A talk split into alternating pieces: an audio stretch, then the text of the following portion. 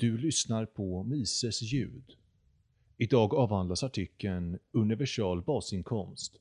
En sann dröm för despoter”. Publicerades på mises.se 11 februari 2020. Översättare, tillika inläsare, Magnus, hälsar dig välkommen. Jag sitter på puben efter en träff med Skeptics Society. Jag dyker inte upp särskilt ofta. Men idag var det en berömd författare som talade, och eh, levande, som de flesta av oss gör idag, i något av en social mediabubbla, var detta en sällsynt möjlighet för mig att faktiskt få en inblick i vad tänkande människor utanför min krets säger om några av dagens problemområden. En trivsam pratstund följer, över en öl, med ett par av de andra deltagarna när samtalsämnet vid mitt bord mirakulöst övergår till universell basinkomst, UBI. Min granne skiner av övertygelse över dess många fördelar. Han lovar ivrigt att det kommer att lösa otaliga av de problem som vår civilisation står inför, och jag får en känsla av att han har predikat detta evangelium vid varje givet tillfälle. Om man bara kunde få tillräckligt många människor att tro på idén. Jag avstår från att nämna min bok eftersom jag inte vill påverka hans svar på mina frågor. Jag väntar artigt på min tur och ställer sedan en enkel fråga. Vad tror du att de potentiella nackdelarna med grundinkomsten skulle vara? Han svarar, det finns inga. Trots de heta meningsskiljaktigheterna mellan ekonomer om nästan varje ämne under solen finns det förmodligen en punkt som alla faktiskt är eniga om. Det är det faktum att varje politik har vinnare och förlorare. Med tanke på att mänskliga behov är oändliga, men våra medel för att uppnå dessa önskemål är begränsade, gynnar politiken i sin natur vissa grupper på bekostnad av andra. Men den universella grundinkomsten verkar inte påverkas.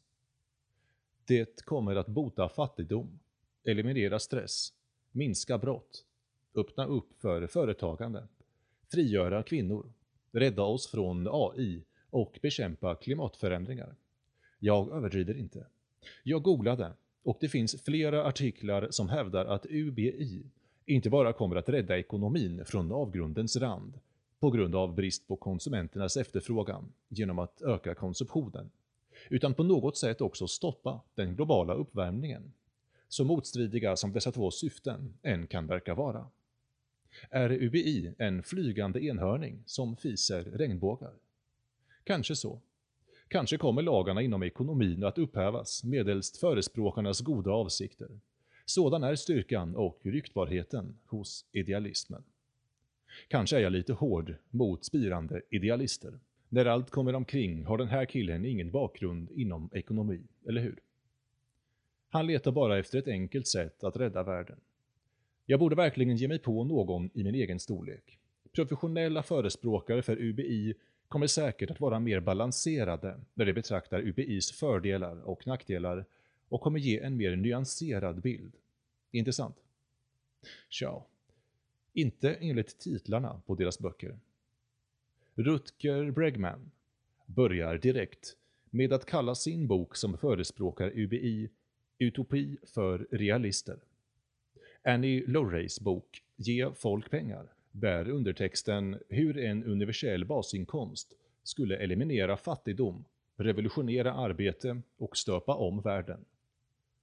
Andy Stern och Lee Kravitz bok Att höja golvet bär en undertext som hävdar att UBI kommer att citat ”förnya vår ekonomi och återuppbygga den amerikanska drömmen”. Philip van Paris och Jannik Vanderborg döpte sin bok Basinkomst, ett radikalt förslag för ett fritt samhälle och en sund ekonomi. Denna gränslösa idealism skrämmer mig. Ryssarna erbjöds också utopi efter tsardömet, liksom kineserna när Mao kom till makten. Så om jag avviker från min hittills ekumeniska ton kring den här nya läran är det delvis för att människor lätt verkar glömma vad vägen till helvetet är lagd med. De flesta är överens om att politik är ett smutsigt spel för att politiska maktinnehavare oundvikligen kommer att använda den för att främja agendan för sig själv och för sina vänner. Med det sagt, trots att jag varit omgiven av det nuvarande tänkandet kring UBI i tre år nu, har jag hört överraskande lite beaktning till vad regeringen, eller en framtida regering, faktiskt kan göra när den har tagit kontroll över allas pengapungar.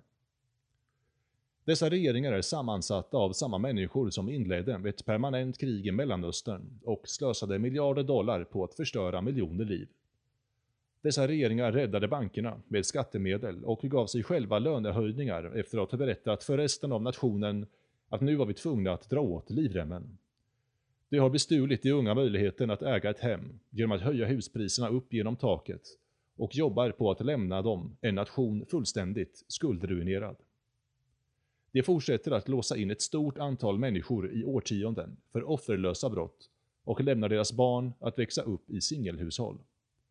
De skapade ett oligopol på högskoleutbildningen som tvingade generationer till stora studieskulder, vars kontrakt inte kan brytas upp. Och sjukvårdssystem som är så restriktiva att människor måste betala hutlösa belopp för att få vård, eller tvingas till regeringens sjukvårdsväntelistor som är så långa att deras besvär är kroniska eller ej möjliga att behandla längre när det väl är deras tur. Är jag den enda som räds att dessa krafter även i framtiden kommer att verka för ondska snarare än för gott? Ett varnande exempel kan hittas i Kina. Om vi tittar en stund på Kina, där de bedriver ett socialt kreditsystem, kan vi få en inblick i vad som kan vara att vänta oss med UBI.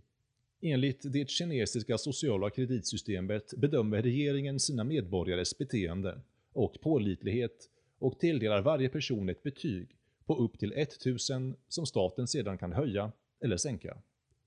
Om man till exempel spelar sin musik för högt, inte betalar ett skadestånd, är skyldig staten pengar eller blir fängslad kan man förlora vissa rättigheter, till exempel att boka flyg eller tågbiljetter. Regeringen kan få en individs internethastighet strypt eller utsluta en person från att få de bästa jobben.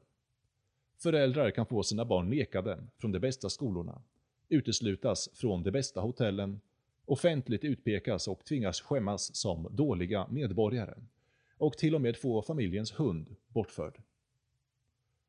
En garanti för grundinkomst kanske börjar som universell. Men när åren går och den visar sig dyr att tillhandahålla, kan det vara så att hörn börjar kapas för att säkerställa dess fortsatta tillgänglighet.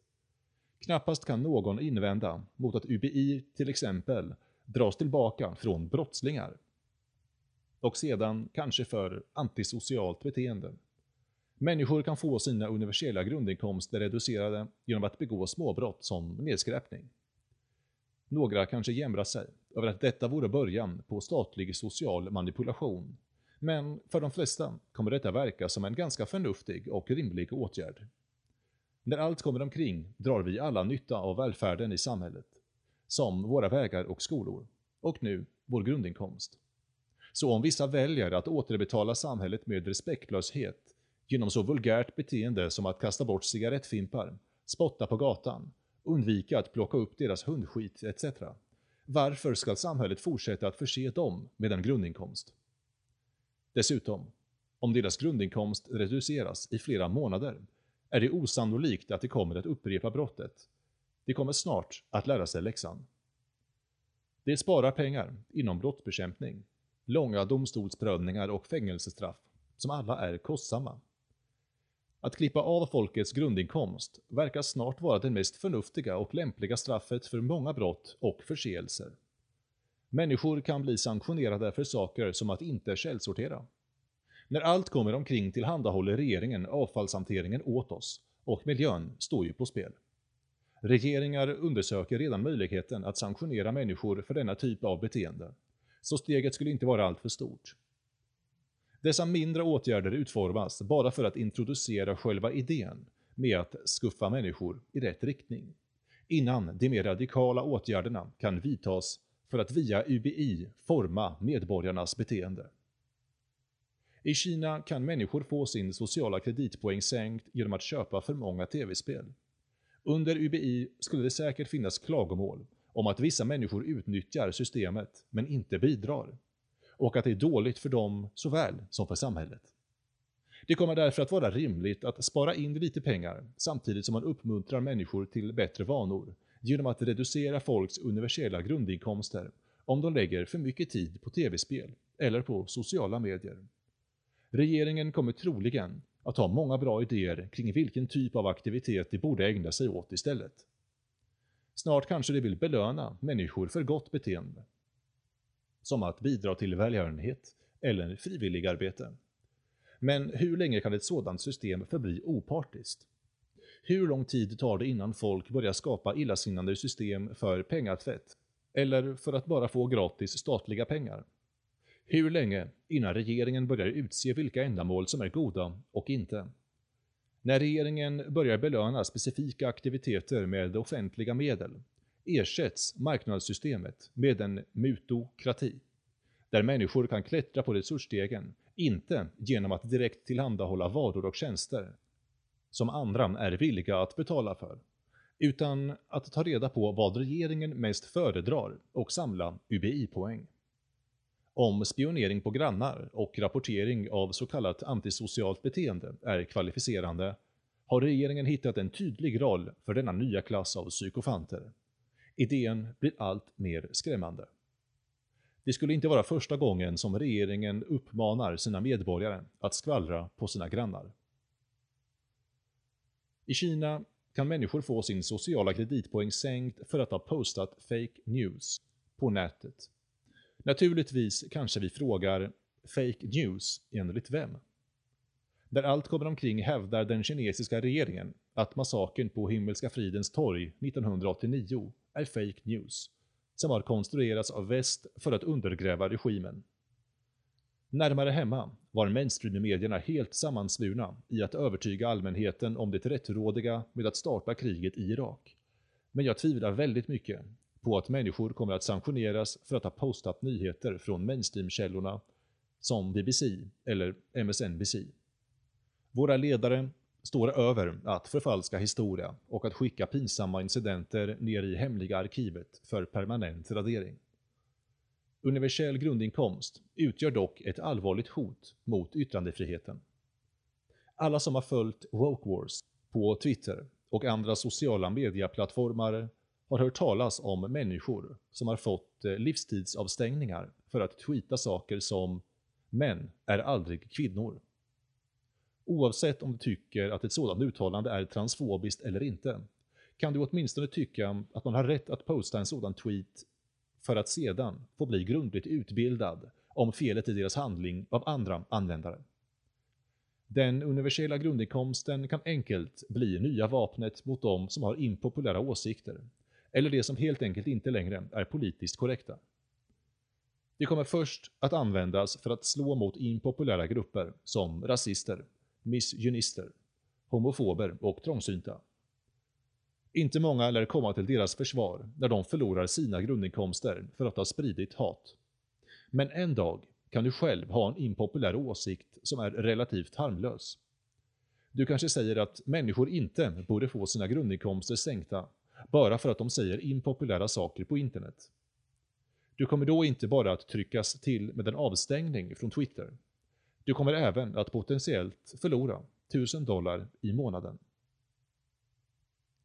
Den konservativa Charles Murray konstaterar i Losing Ground, hans bok som avhandlar UBI, att policyn skulle kräva att folk har ett universellt pass och känt bankkonto. Jag tycker inte att det är orealistiskt att föreställa sig att folk kommer att tvingas att ha ett obligatoriskt ID-kort från regeringen för att få sin grundinkomst utbetald.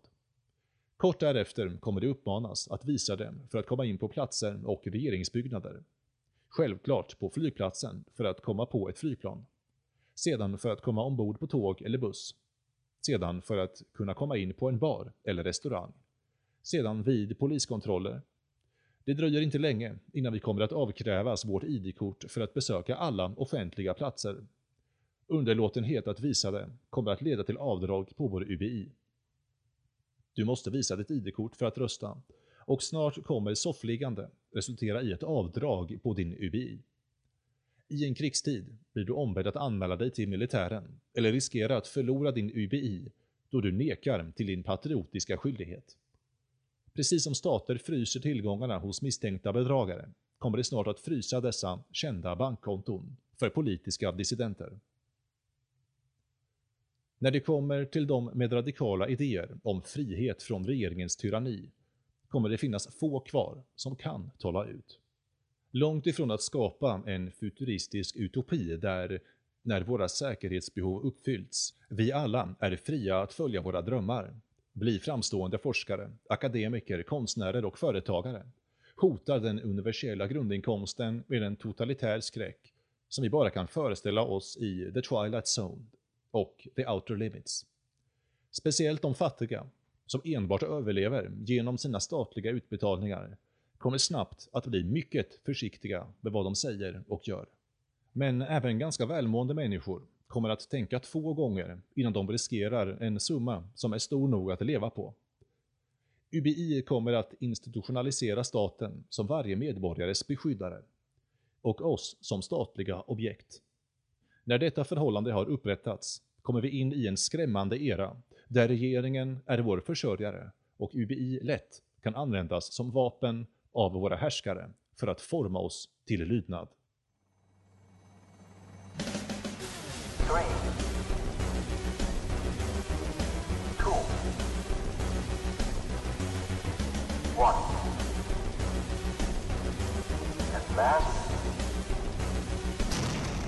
Don't put your trust in politics and political parties.